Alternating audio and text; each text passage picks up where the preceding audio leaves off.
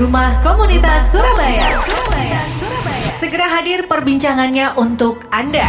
Rumah Komunitas Surabaya. Dialog bersama komunitas-komunitas di Surabaya tiap Kamis pukul 11.00 sampai 12.00 hanya di 96 FM Merkuri, Surabaya.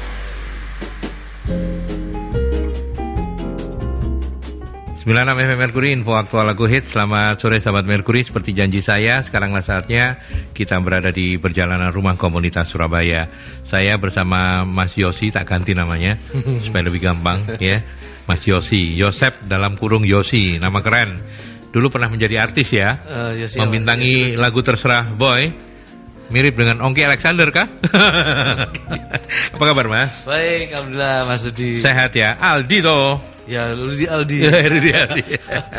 Aldi Oke. ya gitu namanya dua ada Rudi Aldi. Eh, sehat ya Mas ya? ya alhamdulillah. Barangkali yang penting itu dan menyenangkan sore hari ini kita ketemu dengan eh, pemuda-pemuda gagah karena hobinya adalah menembak, Iya. tapi bukan menembak cewek ya. Menebak masa depan.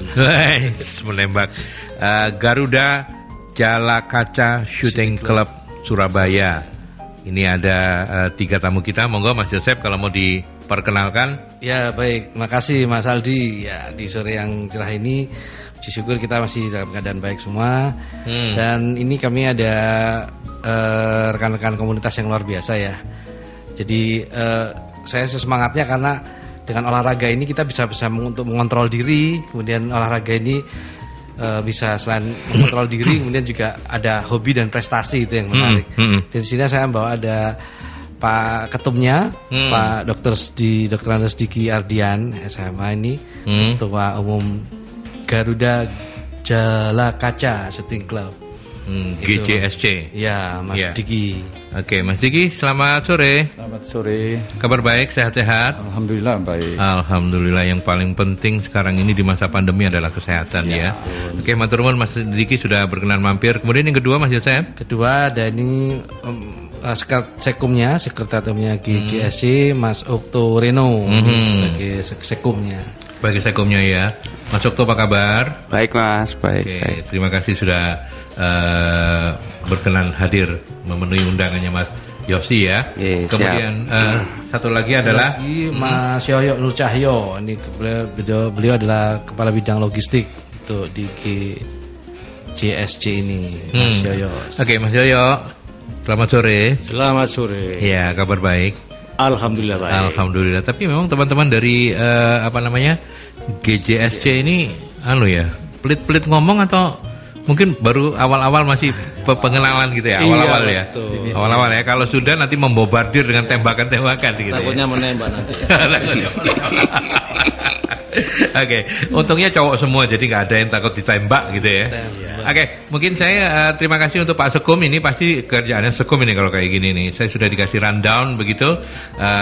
Ke- saya ingin me- memulainya dari Pak eh, Pak Ketum ini, Pak Mas eh, Diki, Diki, Mas Diki. Kapan berdirinya GJSC ini Mas Diki? Bisa cerita singkat nggak? Ya GJSC ini sebelumnya selamat sore Mas Aldi. Selamat sore. lagi Hmm. untuk uh, pendengar sekalian juga. Hmm, hmm, hmm. Uh, bisa saya sampaikan bahwa GJSC ini lahir kurang lebih hampir 3-4 bulan ini ya Pak. Oh, nanti masih baru ya? Masih baru, Oh, masih baru. iya, iya, iya. Yang Hmm. di mana kita awali dengan uh, berkumpul dan bertemunya para penghobi Hmm. menembak. Hmm, hmm. khususnya menembak di uh, baik airgun maupun airsoft awalnya begitu. Hmm, hmm. Nah kemudian kita berkumpul bertemu menyamakan visi misi. Hmm, hmm. Lalu kita kenapa tidak kita bentuk sekalian satu klub yang Klub. nantinya menuju ke profesionalisme. Oh, targetnya kelak eh, profesional ya. Iya, jadi- Artinya mau ikut eh, pertandingan apa lomba-lomba apa begitu ya. betul. Oke oke oke oke. Jadi Hmm. Akhirnya kita samakan visi misi, kita proses, kita berkumpul, kita kejar target untuk selalu rapat ya mas ya bersama teman-teman ini eh, dari beberapa pendiri Hmm. yang akhirnya kita berkumpul Yang kita tiga atau empat tadi ada Mas di pojok. Ini founder semua ini yang Oh, ada di iya, sini. betul pendiri Founder- semua pendiri semua Founder ya? semua Oke, ini, oke. teman-teman seperjuangan Seperjuangan Ya, ya. jadi kita mulai dari konsep sampai tertatih-tatih berjuang Hmm, hmm, hmm. Nah, jadi berdarah-darah kan gitu. Hmm, hmm, hmm, hmm, Gitu. hmm. Jadi akhirnya sampai kita temukan juga uh, moto kita. Jadi kita menyalurkan hobi dan raih prestasi. Ra- eh, salurkan hobi dan raih prestasi. Nah, eh, tentunya kalau saya tanya apa latar belakangnya? Latar belakangnya karena semuanya memang suka kegiatan Iya, menembak betul. ya. Penghobi semua. Nah, Pak Ketua kalau boleh tahu sekarang eh, jumlah membernya sudah berapa yang aktif? Dalam kurun waktu 3-4 bulan ini terdaftar aktif tuh hampir 80 yang selalu kita rutin latihan. Iya. Walaupun bergantian itu. Oke, Ya. oke, oke. Kemudian ke Pak Pak Sekum sekarang, Pak Sekum. Siap. eh, tadi anggota sudah dijawab oleh Pak Ketua sekitar segituan begitu ya. Nah, eh, kalau kegiatan-kegiatan yang dilakukan rutin, se- termasuk di saat pandemi ini seperti apa, Mas Okto? Iya, terima kasih Mas. Kalau di karena GCSC ini kan baru berdiri ya, kita jadi juga istilahnya kan kita menata roda organisasi. Kita membuat organisasi ini tidak hanya tempat ngumpul, tapi juga ada aturan yang disepakati. Jadi selain kita diskusi rutin di sekretariat kami di, Di mana Jalan Golf, di Jalan Golf, Oh, di ya Jalan Golf ya. 1 nomor 153. Hmm. Kita selain diskusi rutin terkait dengan update peraturan-peraturan karena terus terang banyak sekali ternyata peraturan kalau orang punya airgun, airsoft maupun senapan angin dan lain sebagainya ternyata aturannya banyak Oh, dan tidak banyak, bisa serta merta oh saya punya uang kemudian saya bisa langsung beli gitu. Nah, Hmm. selain selain kita mendiskusikan tata aturan, kemudian kita juga ada latihan yang rutin setiap Hmm. Sabtu dan Minggu. Sabtu Silakan dan Minggu? ya Sabtu dan Minggu datang di Lanudal, di Lanudal. Juanda. Di Juanda, Nah, ya. Di sana kita bisa ketemu, kita bisa diskusi dan tidak hanya klub kami saja, GCSC saja yang kita biasanya latihan. Kita undang klub-klub yang lain, ayo kita sharing informasi, sharing ilmu, kita Hmm. bergantian gitu. Ya, kalau kegiatan menembak ini kan setahu saya ya, saya mungkin awam karena ya saya senang lihat orang nembak tapi saya belum pernah nembak. itu perlu- itu mau nembak saya- Yosef saya, mau nembak Mas Yosi saya. Nah, eh, itu kan eh, apa namanya di bawah perbakin semua toh? Iya, Siap, Pak ya, Sugeng. betul. Kita memang terdata, terdaftar di Perbakin karena kan Hmm. persatuannya Perbakin untuk olahraga yang prestasi. Ada Hmm. persatuan olahraga yang lain itu yang namanya Kormi itu, tapi dia memang niatnya atau tujuannya untuk rekreasi. Kormi Jadi, ya, K O R M I gitu. ya. Apa itu kepanjangannya? Kormi itu kalau tidak salah Komite Olahraga Rekreasi Masyarakat Indonesia. Oh. Jadi itu memang fokusnya adalah kepada kegiatan-kegiatan yang sifatnya rekreasi. Jadi mungkin pernah lihat war game gitu kan, perang-perangan, Oh, iya. tembak-tembakan itu di Oh, tapi Kormi. kor- Kormi ini yang kegiatan yang rekreasi tapi masih ada hubungannya dengan tembak menembak ya. Betul ya, tapi kalau di Perbakin memang tidak boleh saling tembak-tembakan itu Oh, iya, kan, iya, memang iya, iya, diharamkan untuk tembak-tembakan. Kecuali ada sasaran yang memang kita dibuat itu khusus Hmm. untuk sasaran tembak, kemudian ada reaksi atau Hmm. berburu itu memang sudah ditetapkan aturannya. Nah kalau kayak GJSC kayak begini nih, otomatis harus mendaftar ke Perbakin atau tergantung kegiatannya gimana? Ya, kalau di kami kan secara klub di Perbakin itu boleh yang menjadi anggota itu kan perorangan Hmm. atau klub. Hmm, Nah, hmm. di kami itu ketika seseorang menjadi anggota klub kami itu Hmm. otomatis dia tidak secara tidak langsung akan menjadi anggotanya ke depan kalau dia mau daftar ke Perbakin itu sangat mudah. Kenapa? Hmm. Karena rekomendasi untuk menjadi anggota Perbakin secara individu Hmm. itu harus ada rekomendasi dari klub. dari klub. Ah. Nah, ka- kalau secara klub seperti ini, apakah otomatis juga eh, wajib mendaftar ke Perbakin?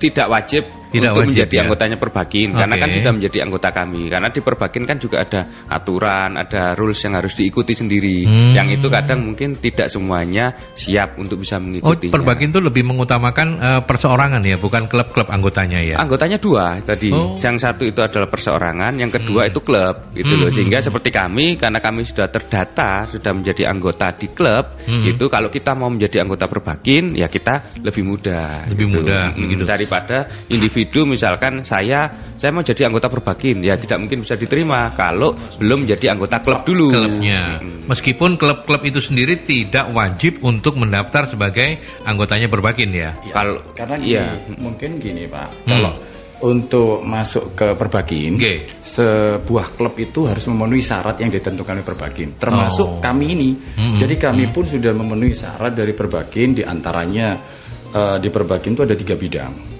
Hmm, hmm. Salah satu bidang itu apabila klub memang memiliki, maka boleh mendaftar. Salah satunya bidang berburu, Hmm, hmm, bidang reaksi, dan bidang sasaran tadi. Hmm, hmm, Nah, kami kebetulan GJSC ini insya Allah memiliki ketiga-tiganya itu. Hmm. Tetapi klub yang lain pun belum tentu selengkap tiga itu gitu. Hmm. Tetapi kalau salah satu memang mereka memiliki, maka bisa dikatakan memenuhi syarat dari berbagai satu contoh ya segala legalitas persyaratan uh, Persyaratannya, hukum, hukumnya ya. legalitas, Hmm. kemudian keanggotaan minimal, kemudian sarana prasarana seperti lapangan, properti dan sebagainya Hmm. akan mendapatkan supervisi dari berbagai. Hmm, Nah, oke oke oke, iya iya. salah satu. Jadi ada, eh, jadi sudah melengkap, me- sudah memenuhi eh, bidang-bidang yang ada tiga tadi disebutkan ya. Iya. Maksudku apa saja mas? betul. Boleh diulang? Ya, bidangnya yang pertama ada tem- bidang target atau tembak sasaran itu, Hmm. kemudian ada reaksi, kemudian Apa nih kalau reaksi ini? reaksi itu bisa menggunakan laras pendek itu atau Hmm. pistol atau juga laras panjang. Tapi bagaimana diukurnya kecepatan reaksi bergeraknya. Oh itu yang yang dor dor dor itu ya? Ya, itu tapi ada ya? sasarannya ya. Ada sasarannya, Ada iya, sasarannya, iya, tidak iya, boleh, tidak boleh orang gitu. Oh, Kalau iya, orang iya. baru yang organisasi yang lain. Kalau gitu. nanti ada orang saya ikut itu. Ya, oke, satu oke. lagi Satu berburu. lagi. Ah, Oh, satu berburu. lagi berburu. Ya. Oh jadi eh, GJSC sudah me- ketiga-tiganya sudah Tiga-tiganya. sudah ada ketiga-tiganya punya. kegiatan Iya, ini. Oke oke. Terus kemudian saya eh, karena ini harus berbagi waktu karena dibagi rundownnya saya ke Mas eh, Mas Yoyo. Mas Yoyo. Iya. Mas Yoyo kalau kalau di eh, GJSC ini peralatan itu harus bawa sendiri atau gimana? Dan kemudian peralatan apa saja yang sudah dipunyai oleh GJSC ini? Kalau di GCSC itu semua sudah komplit lah. Oh, Eh, Mulai lahir kita udah udah dari lengkap GCSC semua. ya dari masing-masing individu udah Berarti semua. bisa dibilang G- GJSC ini klub orang kaya ya? ya relatif lah. Sukan, mau nyombong sukan. Oh tapi peralatan sudah disediakan Sudah, semua. Yang penting juga Oke. ini apa prasarananya, sarana ya prasarananya. secara prasarana kayak lapangan kita sudah siap. Sudah siapin ya. Karena belum tentu siapin. belum tentu setiap klub punya Ah, betul sarana ya. betul. Ya. Ini karena video udah mulai jalan, ini mau dikeluarin man? Boleh? Boleh dikeluarin. Oke sambil ngobrol sama ke eh, Mas Yoyo lagi. Jadi kalau misalnya kita nanyain apa apa aja peralatan yang tersedia, bisa Yang bisa ini disampaikan kan nggak Mas Yang tiga-tiganya seperti target reaksi Hmm. dan sasaran berburu. Kalau berburu kan itu hanya seperti mainan lah. Oh gitu Ya, ya? jadi kita pakai banner Hmm. kita gerak jarak juga kita atur untuk Hmm. akurasinya berapa meter itu Hmm, hmm, hmm. itu untuk berburu. Hmm. Untuk target sasaran sudah ada paper sama blade. Hmm. Itu jaraknya antara 7 meter sampai 10 meter. Hmm, hmm. Tuh. Iya, iya. untuk oke. reaksi itu untuk seperti game lah, permainan itu. Hmm, hmm, hmm. Jadi gerak. Gitu. Hmm, Oke, baik. Mas Yosef mau menambahkan pertanyaan untuk Eh, teman-teman eh, dari Garuda, Garuda. Jala Kaca, Jala kaca. Jadi ya, shooting club. Shooting club. Hmm. termasuk nanti untuk kayak untuk ke prestasi ya itu program pelatihannya seperti apa ya kalau di grup Garuda Jala Kaca ini program pelatihannya. Ya. Jadi kalau seandainya di dalam Garuda Jala Kaca ini kita sudah melakukan beberapa pembinaan, kita mulai melakukan beberapa pembinaan dari putra putri anggota sendiri. Hmm. Jadi misalkan mereka dengan tubuh-tubuh yang bongsor tapi sudah punya kemampuan untuk pegang unit ya, Hmm. Hmm. itu kita sudah siapkan Hmm. fasilitas baik misalkan eh, sarana unit, kemudian sarana properti tadi yang dikatakan, Hmm. lalu kita dampingi mereka untuk kita lihat eh, talent mereka, Iya, kemudian iya, iya, ya, kemudian mungkin nanti eh, eager mereka itu di mana, gitu, Hmm, misalkan. hmm, hmm. Itu itu kita sudah pantau dengan apa pendampingan eh, minimal pembinaan dan pendampingan dari coach atau pelatih yang sudah kita miliki juga. Hmm. Ya kalau ini airsoft gun ya ini, bukan? Airgun. Ini yang air gun. Oh ini air gun. Iya. Be- bedanya apa Pak Ketum? Kalau air gun itu salah satunya Ini kan ada isinya ya? Enggak, enggak ada. Hah? Enggak ada, cuman Nggak? enggak ada, enggak ada. Jangan nakut-nakutin saya toh Mas Yoyo. Saya ini pegang aja dedek loh. Wah Mas Yoyo ini bahaya. Eh sama mau ya tembak sini ya. ya, ya. Jadi- Oh, berat ya. Yang yang ah, ini jadi air gun airsoft ini Hmm, hmm. boleh dikata merupakan replika. Satu banding Oh, ini satu. dua-dua replika ya? Replika. Bukan bukan yang sebenarnya sebenarnya. Iya. Apa? Artinya bukan yang sebenar-benarnya Iya, senjata iya, tembak gitu ya. Bukan. Oh. Jadi dia replika di mana berat dimensi, Hmm. fungsi, Hmm. bentuk itu sama dengan asli. Hmm. Tetapi membedakan nanti eh, BB, kita sebutnya BB, jadi bullet ball. Jadi ball, atau kalau oke. bahasa anunya peluru itu tuh. ya. Ya, pelurunya itu sebutannya BB. BB. Oh. Tuh. Kalau untuk Bentuknya seperti bola. Iya, Gotri, gotri. gotri. Kayak kalau gotri, kayak gotri. Ha, ha. Kalau kayak pelor. Kayak pelor. Kalau air gun Hmm. itu salah satu powernya dia menggunakan CO2.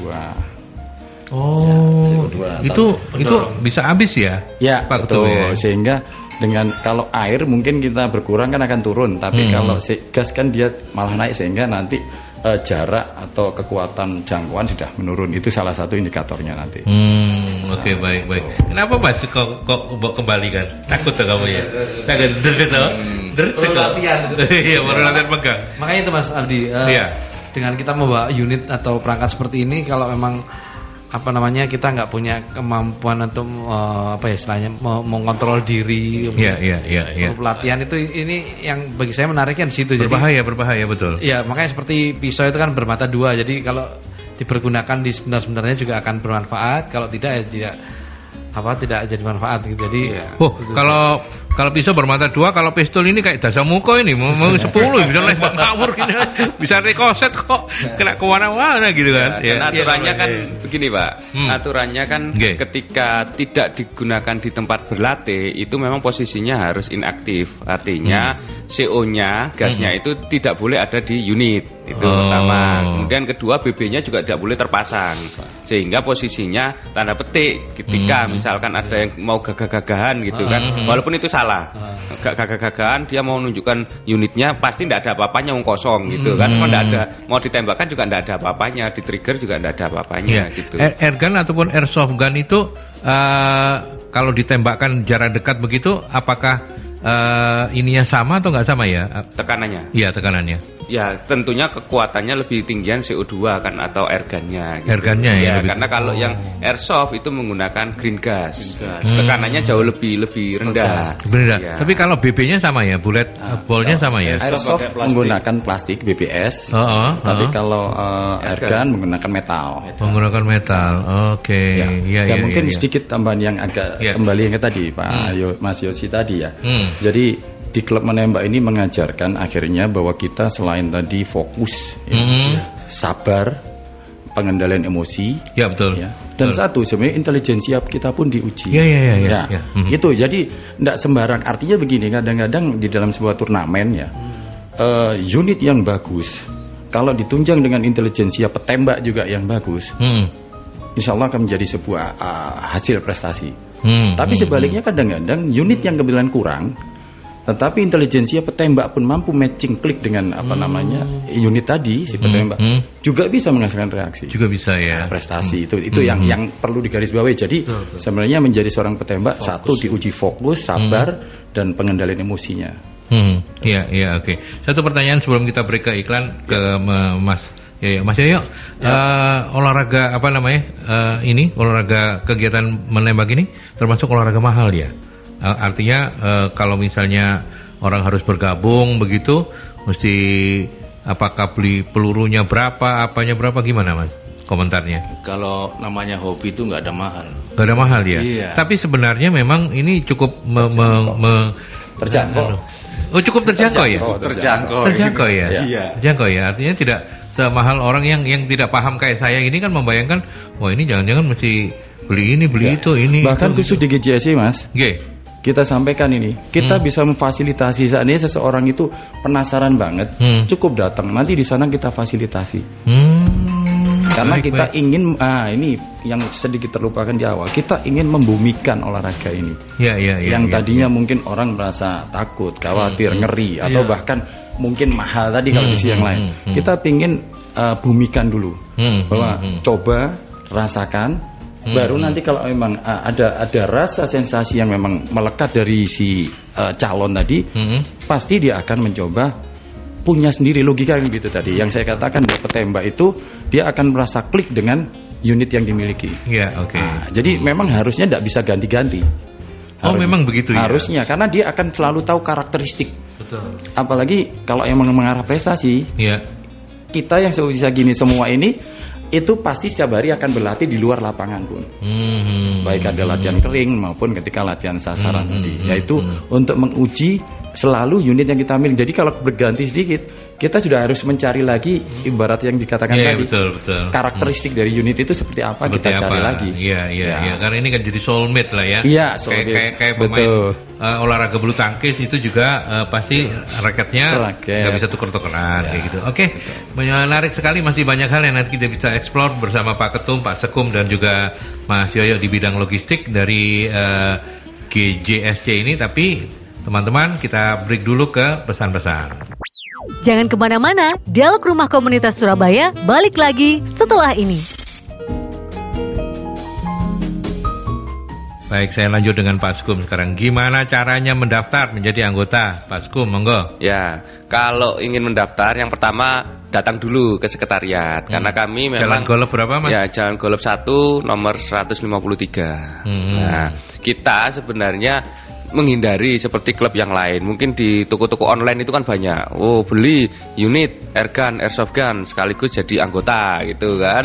Nah, sangat mudah sebenarnya kalau punya uang itu untuk bisa jadi anggota klub-klub seperti itu. Tapi kita menghindari karena kami inginnya kalau sudah mau bergabung dia tahu aturannya dulu. Ini loh aturan hak dan kewajiban yang harus diikuti, harus dipatuhi sehingga nanti sekali lagi tujuan punya unit ini kan bukan untuk gagah-gagahan, Hmm. bukan untuk ditunjuk-tunjukkan. Nah, itu sangat salah sebenarnya. Itu, Hmm, ah. hmm. Jadi pertama datang nanti mengisi formulir baik formulir yang kami sediakan online maupun offline. Hmm, Nah, setelah hmm, itu hmm, nanti akan mendapatkan KTA kartu tanda anggota yang itu sudah ada skepnya atau surat keterangan atau rekomendasi dari Perbakin sehingga sah. Mungkin di Hmm. klub yang lain lu KTA-nya kok enggak ada skep perbakinnya yaitu silakan ditanya bener enggak terdata enggak klubnya di Perbakin. Nah, Hmm. jangan-jangan enggak. Nah, itu kan atau klubnya sudah tidak diakui oleh Perbakin. Nah, itu kan juga Hmm, bisa. hmm. Makanya di kami ada skepnya itu tercatat bahwa kita menjadi anggota aktif Perbakin. Nah, setelah itu kita minta memang harus aktif Harus untuk aktif. berlatih. Kalau tidak bisa Sabtu, ya hari Minggu. Kalau bisa tidak bisa hari Minggu, hari Sabtu. Selain itu bisa ke sekretariat untuk koordinasi lagi. Kapan Jam, bisa? jam berapa biasanya kalau kalau Kalau latihan latihannya Sabtu Minggu full kita mulai jam 10 sampai jam 5 sore. rutin? Oh, Jadi kan sampai lima sore ya. sangat banyak sekali waktu yang bisa digunakan. Hmm. Nggak bisa jam 10 misalkan, oh saya kerja pulangnya jam 1, silakan langsung datang setelah jam itu 1. gitu ya. Betul. Oke, iya iya. Jadi eh, apa namanya? Pak Sekum eh, Mas Sekum kalau tidak ada mereka yang mendaftar terus ditolak nggak ada ya? Nggak ada, tapi kami memang ajak diskusi dulu. Istilahnya kan kita ada fungsi pembinaan ya kepada anggota supaya Hmm. karena ada kesalahannya anggota yang salah sebenarnya juga bukan anggota saja, tapi ya pengurusnya ya salah karena dia tidak bisa membina anggotanya. Nah, itu kan yang Hmm. kita hindari jangan sampai nanti terkait dengan pelanggaran-pelanggaran hukum. Nah, Hmm. itu yang kita hindari. Ya ya ya karena ini memang apa namanya eh, gampang-gampang susah ya. Betul. Kalau nanti dapat orang yang mekitik gitu ya kalau orang Nah, Surabaya bilang ya. Surabaya itu. Terus Ya. merasa dumeh Nah. sudah menjadi anggota akhirnya menyalahgunakan Betul. gitu ya. Iya kayak koboi gitu ya. Nah, itu yang yang yang ini. Karena kan tidak bisa dilihat, oh pendidikannya tinggi berarti dia bisa membawa diri, dia bisa mematuhi aturan. Banyak kasus kan juga CEO gitu kan, tidak kita sebutkan lah ya, gitu kan Hmm. CEO perusahaan besar itu kan dia malah menunjukkan airgunnya, oh dengan Hmm. bangganya airsoftnya ditunjukkan, itu salah gitu. Hmm. Nah terus eh, saya lupa juga menanyakan. Terus atau tadi kata Pak kata Mas Yoyo eh, apa peralatan semua udah, udah disediakan. Tapi kalau misalnya yang bersangkutan mendaftar dan sudah punya nggak apa-apa ya? Boleh. Mas Dokto ya. Boleh, boleh. Kalau Boleh ya. jadi pendaftar dulu itu tidak harus dia misalkan beli atau punya unit langsung, tidak. Ah, kan ah. dia juga bisa konsultasi ke kami. Ah, oh, saya ah. cocoknya seperti ini. Oh, saya unitnya seperti ini. Saya tertariknya di bidang ini. Nah, itu Hmm. kita diskusi dari diskusi karena orang tertarik itu untuk bergabung kan belum tentu karena dia sudah punya unit dulu. Beda ini dengan olahraga sepak bola katakanlah sepak bola kita beli bola plastik di Satu itu tetangga ya. ada gitu kan habis itu baru kita klub gabung di klub enak gitu kalau ini kan tidak bisa kita beli unit yang harganya juga lumayan gitu kan kemudian oh kok ternyata tidak cocok saya senengnya kok berburu oh saya senengnya kok tembak reaksi ya susah Hmm. nanti daripada dia beli tidak dipakai tidak aktif ya eman kan itu Hmm. dan unit ini kan tidak boleh dijual belikan sebenarnya antar satu dengan yang lain gitu Oh kan gitu ya. Iya, Harus betul. terdaftar ya. Betul. Dan tidak mudah juga untuk kepemilikannya ya. betul Ada izin tertentunya ya, di gitu ya. Polda juga Oke, terus kemudian saya ke Mas Yoyo ada yang yang mem- mem- membidangi logistik. Jadi artinya selain yang dimiliki oleh klub, kemudian kalau misalnya Mas Yoyo secara pribadi punya Mas Okto, terus, terus, eh, Mas Diki punya masing-masing itu eh, itu tidak harus ditaruh di klub atau atau dibawa atau gimana Mas selama ini untuk logistiknya? Untuk logistik ini untuk unit dibawa aja. Hmm, gitu ya. Kecuali yang yang istilahnya yang apa namanya kalau punya Propertinya. kalau propertinya ya Iya. atau inventaris itu Ya, inventarisnya di, ada di di sekretariat. sekretariat, benar. Hmm. Tet- Tetapi tidak tidak wajib orang yang mendaftar itu harus ini ya. Ya, unit. harus ini. Harus Nah, unit. sebenarnya kalau tadi disampaikan oleh Mas Okto ada tembak sasaran, ada reaksi, ada berburu. Sebenarnya kalau misalnya dari eh, senjatanya sendiri gitu ya, dari eh, Unitnya. apa unitnya itu ada apa saja? Ada air gun, airsoft gun, terus apa ada lagi? PCP, Mas? PCP yang PCP itu laras apa? panjang itu. Oh, itu. Ya, panjang Uh-uh. itu untuk tembak berburu Mhm. sama target sasaran. Hmm. Gitu. Jadi cuma ada tiga ya, air gun, airsoft gun, sama PCP. PCP. Iya. Cuman itu saja. Oh, yang diperbolehkan cuma itu. Ya, untuk untuk di antaranya dari eh, klub itu selain yang kategori angin, jadi kalau di berburu itu ada senapan berburu pasti, Hmm. kemudian ada sengin senapan angin di mana nanti dan ada metsil, metsil metal siluet itu sasaran kecil-kecil yaitu tadi karena targetnya merupakan sub dari dua metal siluet, metal siluet dan sengin senapan angin ini adalah sub bidang dari berburu karena yang digunakan Oh, jadi untuk berburu sendiri macam-macam ya? Ya, ada sub bidangnya. Oh, Jadi iya, iya, iya, kalau iya. memang dia untuk berburu saja, pasti senapan berburu itu akan berbeda dengan senapan yang di untuk lomba senapan Hmm, ya. hmm, hmm, Karena di dalam lomba itu ada metsil metal siluet di mana ada sasaran-sasaran uh, buatan yang kita buat Hmm, untuk hmm. jarak yang disebutkan tadi ada 50, 75 meter gitu. Hmm, Tetapi hmm, itu merupakan sub bidang dari berburu yang memang uh, untuk unit berburu sendiri akan Hmm, hmm. digunakan dengan spek yang untuk berburu. Hmm. Sedangkan untuk sasaran dan reaksi hmm. itu memang selain airgun airsoft ada kategori kalau yang kita sebut dengan senpi. Nah, untuk yang ditanyakan tadi misalkan untuk airgun airsoft memang dibawa oleh masing-masing pemilik. Hmm. Dan tapi ada aturan-aturan eh, tata cara pembawaan yang tadi dikatakan salah satunya harus selalu kosong, hanya dibawa saat berlatih dan tidak boleh melekat di badan. Hmm. Itu itu itu aturan yang tidak bisa ditoleransi lagi. Hmm, hmm, Makanya harus ada cashbox atau mungkin ada uh, tas khusus yang digunakan gitu. Hmm. Tapi kalau untuk khusus senpi untuk klub itu ada store atau penyimpanan sendiri. Hmm, hmm, Baik hmm. itu nanti di Polda atau di Perbakin Hmm, hmm. gitu. Oh gitu ya. Jadi untuk kategori memang kalau sudah ngomong turnamen ada airsoft, ada senpi. Dan itu nanti kategori itu kita ketahui dari setiap turnamen yang diselenggarakan. Hmm. Pak Ketua, berapa sih harga kalau yang yang standar aja gitu dari yang air air gun atau airsoft gun harganya sampai berapa Pak Ketua? Ya kalau sebenarnya ini hanya untuk komparasi daripada Hmm. kita terjerumus ke hobi-hobi yang tidak baik yang Hmm, saat ini hmm. untuk uh, adik-adik atau rekan-rekan muda Hmm. ini rupanya bisa menjadi sebuah hobi baru yang bisa daripada harus terbuang hampir sama dengan kalau kita goes Hmm. ya kan? terus kemudian segala perlengkapannya ya kurang lebih komparasi seperti itulah Oh gitu ya. Ya. Seharga sepeda lah ya, sepeda yang standar atau ya sepeda yang standar sudah standar ya, nggak yang Brompton ya, enggak oh ya? enggak enggak standar saja Ka- sebenarnya Iya, contoh iya, yang iya. senapan angin tadi itu Hmm, hmm, kalau dulu orang bilang uklik ya, Ya, uklik, itu, iya, iya. itu sekarang sebenarnya sama tetap mimis akan sama hanya metodenya aja diperbarui dengan model pengisian angin yang sudah tersimpan Hmm, dan hmm, itu hmm. ada seperti apa ukuran ya, Ya. Ah, ukuran PSI-nya itu Hmm. Tekanan.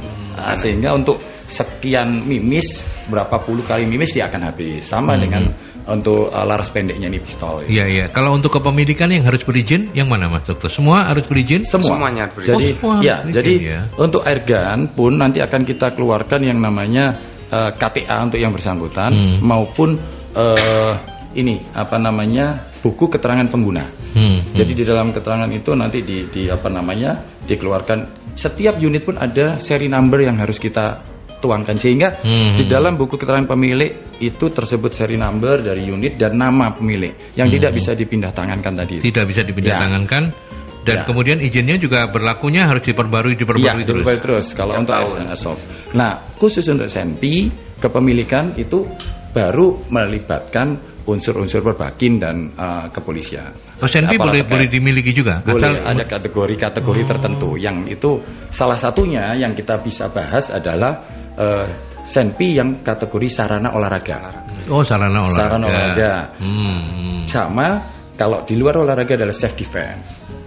Hmm. self defense Hmm. itu. Hmm. Nah, self defense Pertahanan itu diri ya, ya. Hmm. itu yang baru boleh melekat kalau memang dan itu tentu saja seperti yang dikatakan tadi, mungkin itu yang harga-harga eksklusif. Eksklusif ya, itu yang puluhan juta lah. Ya. Mas daripada ngantuk-ngantuk, eh, kamu mau beli yang apa? Shotgun apa? Kita harus putuskan mulai dari Betul, sekarang ini. Betul. Nanti kita berlatih sendiri aja Iya. di Bogul. ya, kayak berdua gitu. Bagaimana? Berani nggak? Nah daripada dibungkul ya di tempat sarana kita. Iya kan Iya, udah kayak di percandaan udah aja ada- sama ada Yosi. lapangannya. Iya, iya. Nah itu Betul, kalau lapangan. apa tadi menariknya tadi kita kayak fit and proper ya. Fit Iya, and proper. Jadi sebelum kita eh, punya senpi atau kita bisa latihan dulu merasakan sensasinya ya Mas ya. Ya, betul. Nah itu kemudian dari situ kita akan tahu oh saya cocoknya yang airsoft gun atau yang lain gitu ya. Betul. Hmm. Ya oke, saya balik ke bidang logistik deh. Kegiatan-kegiatan selain be- berlatih, tadi mungkin Pak Sukum sudah menyampaikan, tapi saya kok nggak nggak belum ngeh gitu ya. Kegiatan-kegiatan selain eh, latihan rutin yang Sabtu Minggu itu, kalau sekarang-sekarang ini apa Mas Yoyo? Ada turnamen mungkin? Mau ada Atau ada apa gitu Ya, kegiatan? memang untuk ke depannya kita mengadakan turnamen. Hmm, Ya, di bulan rencananya itu di bulan Januari atau Februari. sebagai penyelenggara begitu. Penyelenggara, Terbuka ya. untuk umum artinya Ya, ya. untuk umum ya. Oke. Bulan sekitar bulan Antara Januari Februari. Januari Januari Februari Iya. di Lanudal juga ya Lanudal, tempatnya ya. ya. Apa yang nanti turnamennya ini? Ya. jenis turnamennya apa? Oh, turnamen untuk target sasaran sama reaksi aja. Target sasaran sama Iya. reaksi ya. Iya. Oke. Sementara kalau eh, G, GJSC sendiri, GJSC sendiri eh, selain berlatih rutin, kemudian kan eh, tadi kita offer saya sempat nanya berburu juga melakukan gitu Iya. ya. Nah, apa saja kegiatannya? Berburunya itu mungkin berapa bulan sekali atau gimana atau gimana? Mungkin Oh. pendengar pengen tahu juga. Agenda berburu di GJSC itu tiga bulan sekali. Tiga bulan sekali ya. Tiga bulan sekali. Hmm. Jadi menunggu dari informasi dari penduduk setempat ya di desa-desa. Ada permintaan-permintaan begitu ya? Kalau ada hama-hama, informasi dari penduduk kita langsung. Oh. Biar biasanya sekali berangkat begitu berapa orang, Mas ya? Kemarin 11 orang. 11 orang ya. Ya, 11 Oh. Dan yang 3 4 di depan saya ini semuanya ikut pasti dong. Ya, ke- ya ini Pak Umas yang nggak ikut karena Umas nggak ikut? kesibukan ya, kesibukan ya, kesibukan. oh. Umas nembaknya dendean paling ya dia ya. Mbak tikus. ya, ya, lewat tikus ya. Lumayan loh kalau kena. Saya nembak itu melucut terus loh. Iya perlu latihan, maksudnya perlu dilatih. Perlu latihan. ya. Ada tekniknya juga. Agar tekniknya. Oke, nanti kita akan bahas soal teknisnya itu. Tapi eh, sebelum itu saya ke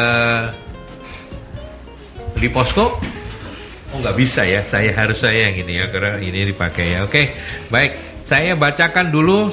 Setelah itu nanti saya kasih iklan lagi. Terus dijawab pertanyaan-pertanyaan dari sahabat-sahabat Merkuri. Pak David, selamat sore. Apa syarat untuk bisa gabung di komunitas ini? Tadi sudah dijelaskan, tapi mungkin Pak David agak terlambat untuk mengikutinya. Monggo nanti dijawab lagi oleh Pak Askum atau Bapak mas-mas yang lain.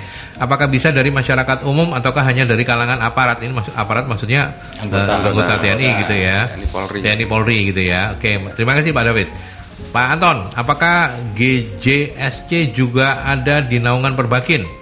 Bisa diceritakan terbentuknya? Walah, lambat banget Pak Anton dengerinnya. Dan bagaimana cara menjaring anggota klubnya? Oke, monggo Mbak Dian. Kemudian, apakah anggota dari komunitas ini terbatas hanya untuk laki-laki? Apa yang harus dipersiapkan kalau ingin bergabung di klub olahraga ini? Di mana biasanya lokasi untuk latihan? Kemudian satu lagi, ini ada eh, Pak Andreas, apakah anggota GJSC juga dilengkapi dengan tes psikologi? Baik, nanti akan dijawab secara langsung oleh tamu-tamu saya sore hari ini ya, Mas Yosep ya. Ya. Tapi sebelum itu kembali eh, kita break dulu untuk ke beberapa pesan terlebih dahulu. Masih Anda ikuti Dialog Rumah Komunitas Surabaya di 96 FM Merkuri, info aktual, lagu hits. Baik kita lanjutkan kembali. Nggak kerasa ya ngomong-ngomong soal eh, menembak kayak begini. Mas Josi seneng banget ya. Excited ya kamu kayaknya ya. Eh, ya, sudah karena- langsung pengen coba menembak begitu ya? Iya kan mungkin Sabtu atau Minggu besok bisa coba latihan. coba latihan ya. Betul. oke oke oke. Baik. Karena sudah ada lapangannya, sudah ada sarananya. Betul. Hmm, hmm, hmm. Oke baik. Yuk kita menjawab eh, pertanyaan dari sahabat-sahabat Merkuri. Apa syarat eh, untuk gabung, bisa gabung di komunitas ini? Bisakah dari masyarakat umum ataukah hanya dari kalangan aparat? Monggo silakan Ya. siapa yang mau menjawab. Bebas. Jadi yang bergabung seluruh kalangan. Minimal usianya kan 15 tahun ya. Artinya dia secara usia sudah mulai ada tingkat kematangan. Dan kalaupun memang ada anak yang mau diajak misalkan orang tuanya berlatih tidak apa-apa karena di sana juga kita sediakan sarana untuk bermain bagi anak-anak.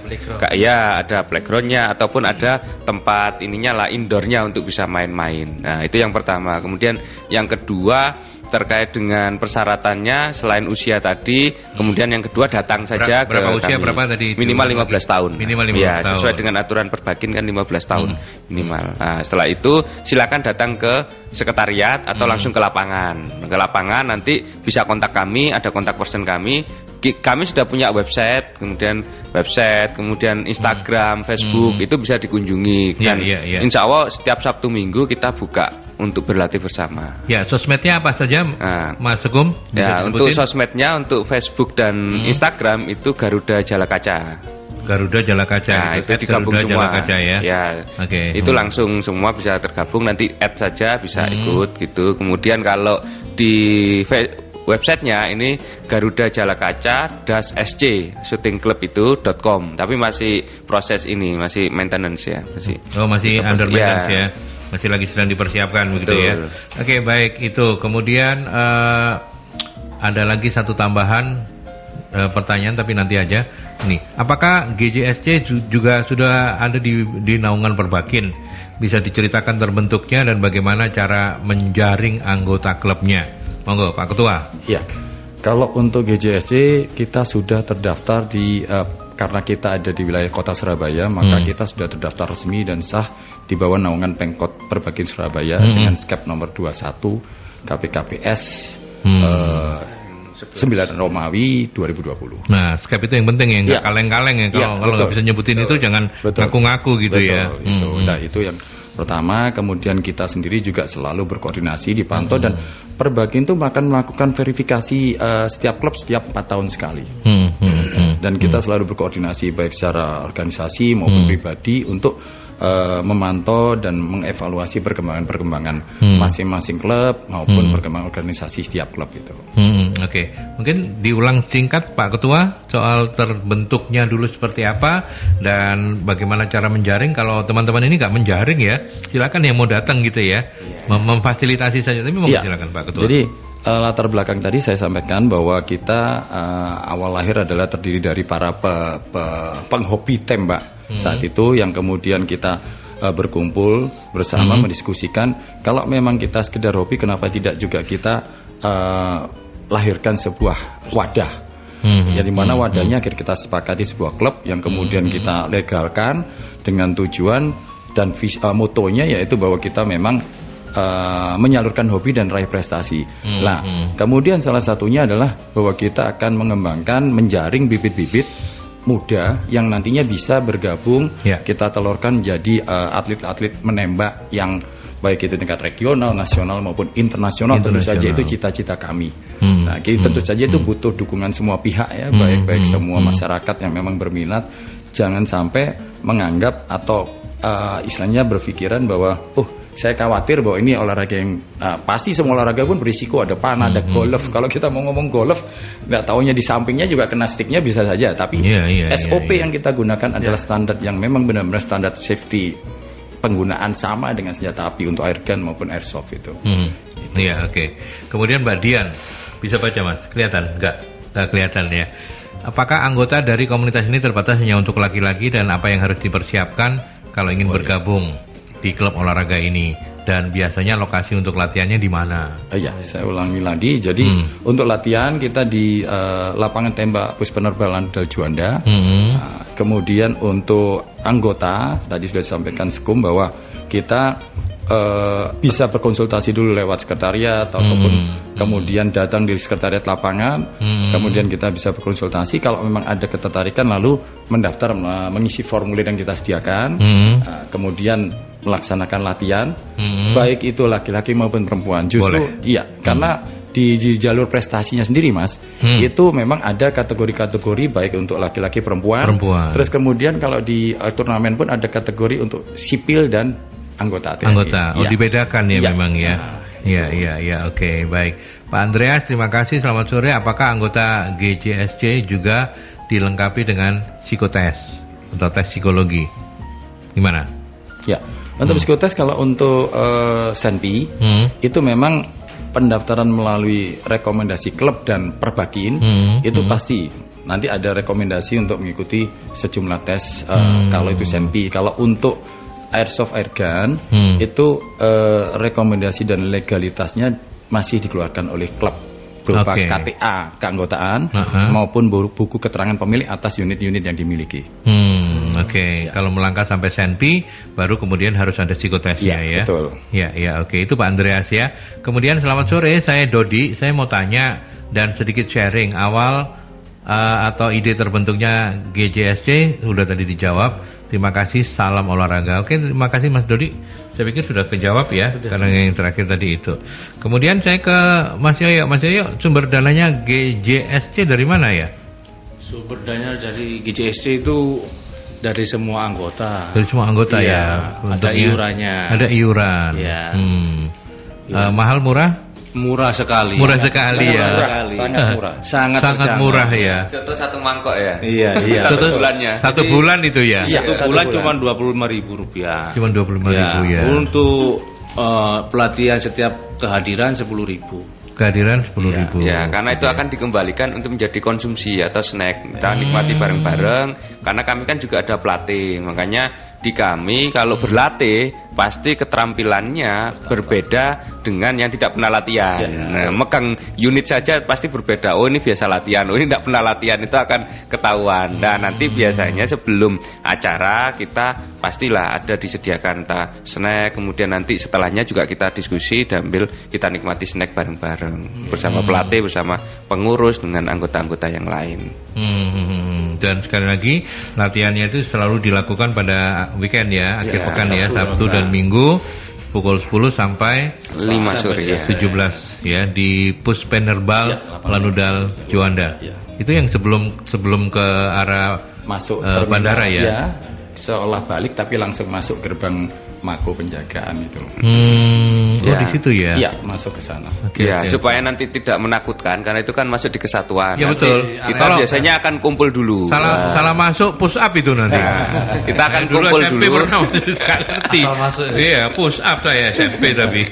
ya, nanti kita kumpul dulu makanya datang ke sekretariat kemudian kita koordinasi kan gimana sih caranya masuk ke kesatuan gitu Oke. kan supaya juga tidak tersasar kemudian masuknya juga aman gitu Mungkin kan. kalau misalnya bagi yang baru-baru ikut, yang baru kepingin eh, coba-coba begitu bisa ngumpul dulu di Jalan Golf 1 nomor 153 ya. betul. Sebelum berangkat bisa, bisa. juga di Brim Kopal. Ya. Prim Kopal. Ya, dekat lapangan tembak situ. Hmm, hmm, Jadi hmm. ngumpul di situ semua titik kumpul.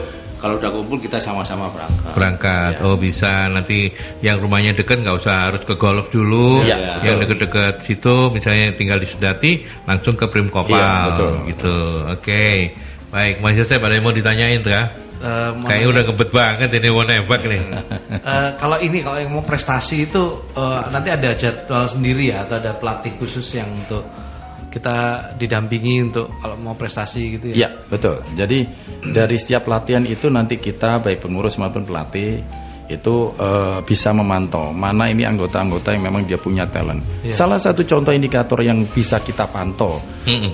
eh, dari anggota itu begitu dia gabung seperti yang kita katakan tadi tidak harus punya unit begitu kita berikan beberapa pandangan Hmm, hmm. kemudian tahu-tahu sudah bawa dengan orang tuanya atau memang yang bersangkutan sendiri karena oh ya ini ada terlupa menembak ini adalah olahraga yang tidak mengenal usia mas Hmm. ya Hmm, hmm. selama masih punya itu tadi eh, sudut pandang kemudian niat dan tekad karena kategorinya pun tidak ada batasan usia Tapi Kalau kan- di GJSC sendiri ya anggota ter apa namanya anggota termudanya umur berapa Pak Ketua?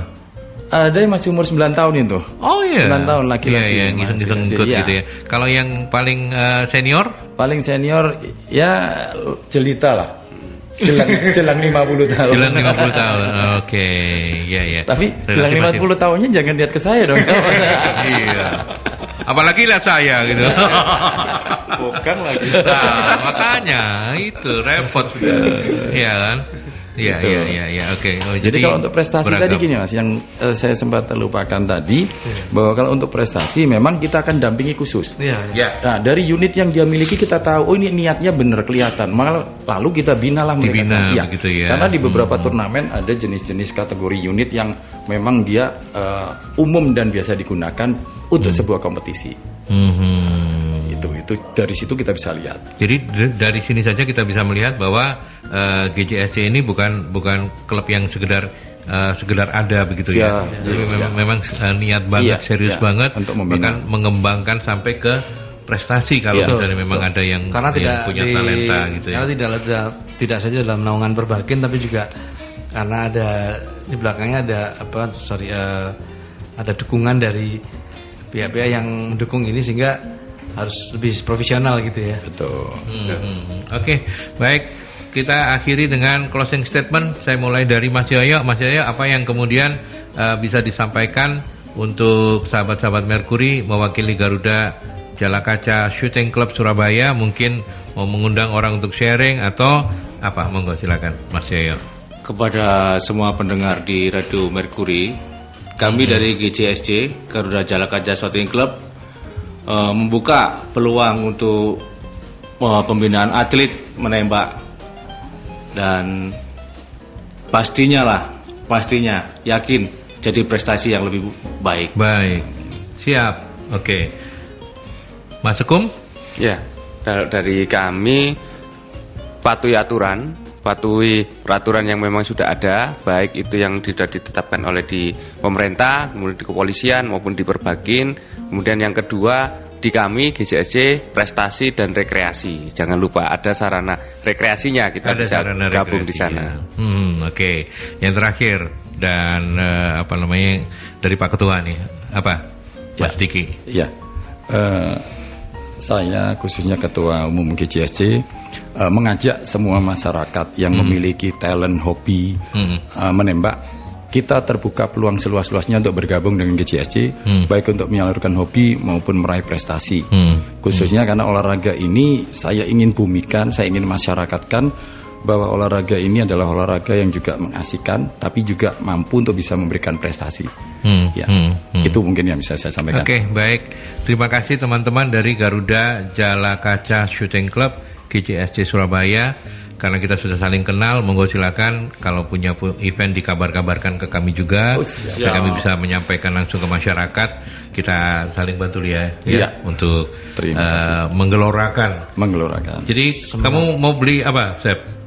Eh, airsoft gun atau air gun atau tegan? soft, soft dulu deh. Oh, kalau beli tegan gampang loh, murah loh ya. Sini ada Tegan aja ya. Tegan. Baik, terima kasih sekali lagi Mas Yoyo, Mas Turwon, ya. Mas Okto, Mas Diki, Mas Turwon ya, sehat-sehat selalu. Amin. Yosi, kita tutup dulu ya. Ya, terima kasih Mas Aldi waktunya. Mhm. Dan Sampai kita sahabat. janji ketemu eh, sahabat-sahabat Merkur lagi minggu depan Ya. ya, untuk rumah komunitas Surabaya minggu depan. Baru saja Anda dengarkan perbincangan bersama komunitas-komunitas di Surabaya dalam program Rumah Komunitas Surabaya. Sampai berjumpa di perbincangan selanjutnya.